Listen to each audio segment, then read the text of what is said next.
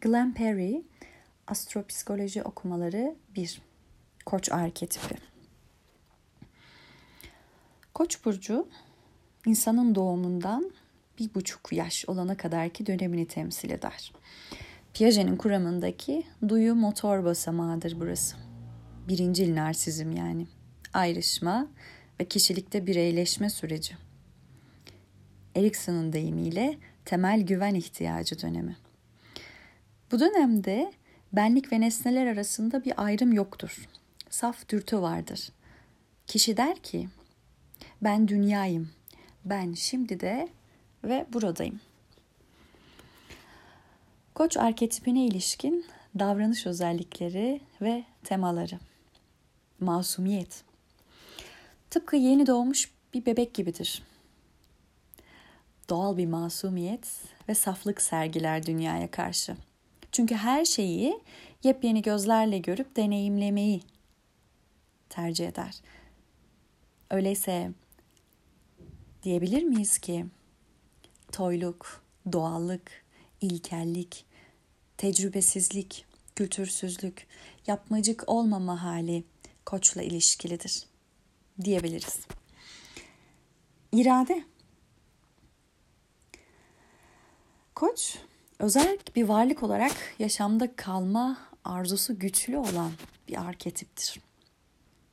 Çünkü bir yandan işbirliği ne karşılık gelen teraziyle karşıt açı yapar. Yani doğrudan zıttır.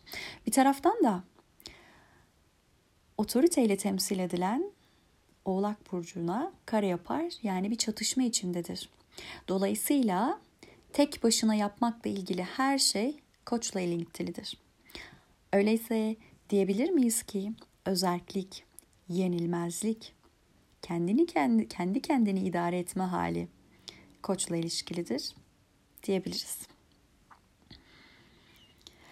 Koç, cinsel ve saldırgan dürtülerin hemen tatmininin peşinde olan ve Freud'un id ya da libido yani fiziksel enerji dediği şeyi anlatır bize. Burada ham ve ilkel bir enerjinin varlığından söz edebiliriz. O zaman enerjik, coşkulu, ateşli, güçlü ve gayretli kavramları yine onunla ilişkilidir. Doğum ve başlangıçlar. İlkbaharın ilk gününe denk geldiği için koç doğum ve başlangıç prensipini ifade eder doğada. En belirgin özelliği tamamlamaktansa başlangıç yapmaktır. Ve dünyayı her seferinde merakla ve yepyeni gözlerle gördüğü için ben bunu yapabilirim hissiyle doludur. Ve eyleme geçme burcudur koç. Başlangıçlarla ilintili olup tamamlanmayı ifade eden, tam da tamamlanmayı anlatan teraziyle karşıt konumdadır. Öyleyse diyebilir miyiz? Başlatan, aktif, girişimci, dürtüsel, sabırsız ifadeleri onunla ilişkilidir. Farklılaşmamış benlik. Koç zamanı ve mekanı yeni doğmuş bir bebek gibi deneyimler. Dolayısıyla kendisi, kendi benliği ve çevre arasında çok ufak bir farklılık söz konusudur onun için. Bekleme, planlama, strateji uygulama, sabretme kapasitesi çok azdır. Onun için tek gerçek tam şu andır.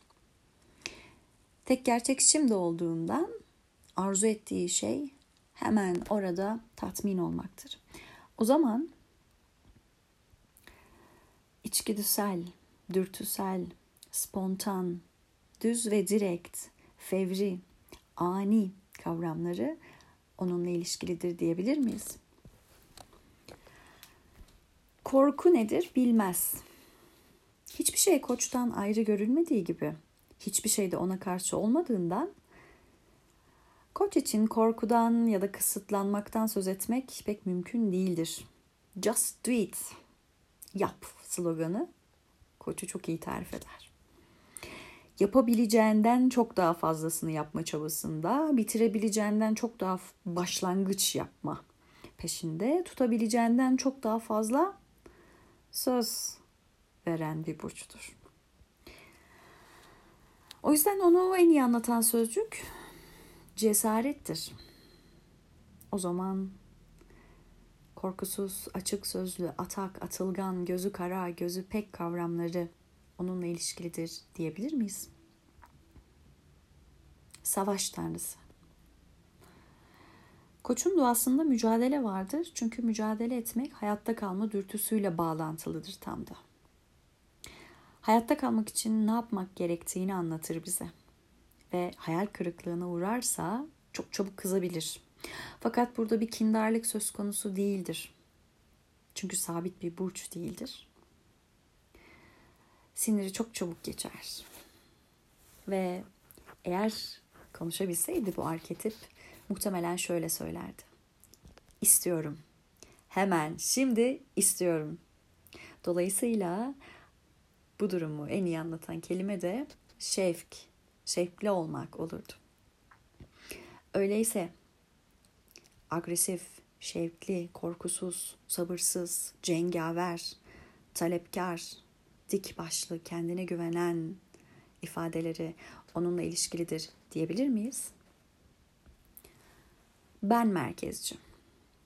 Bir bebeğin kendini dış dünyadan ayrıştırmadığını ve dolayısıyla eylemlerinin diğer insanlar üzerindeki etkisinin farkında olmadığını hatırlayalım. Direkt marşa basan ve gittiği yönden hiç şüphe duymayan koç bazen liderlikle karşı karıştırılabilir fakat burada yalnızca gidilen yere ilk giden yolu açan olmak anlamında lider kullanılır. Ve koçu ilgilendiren tek şey kendisi.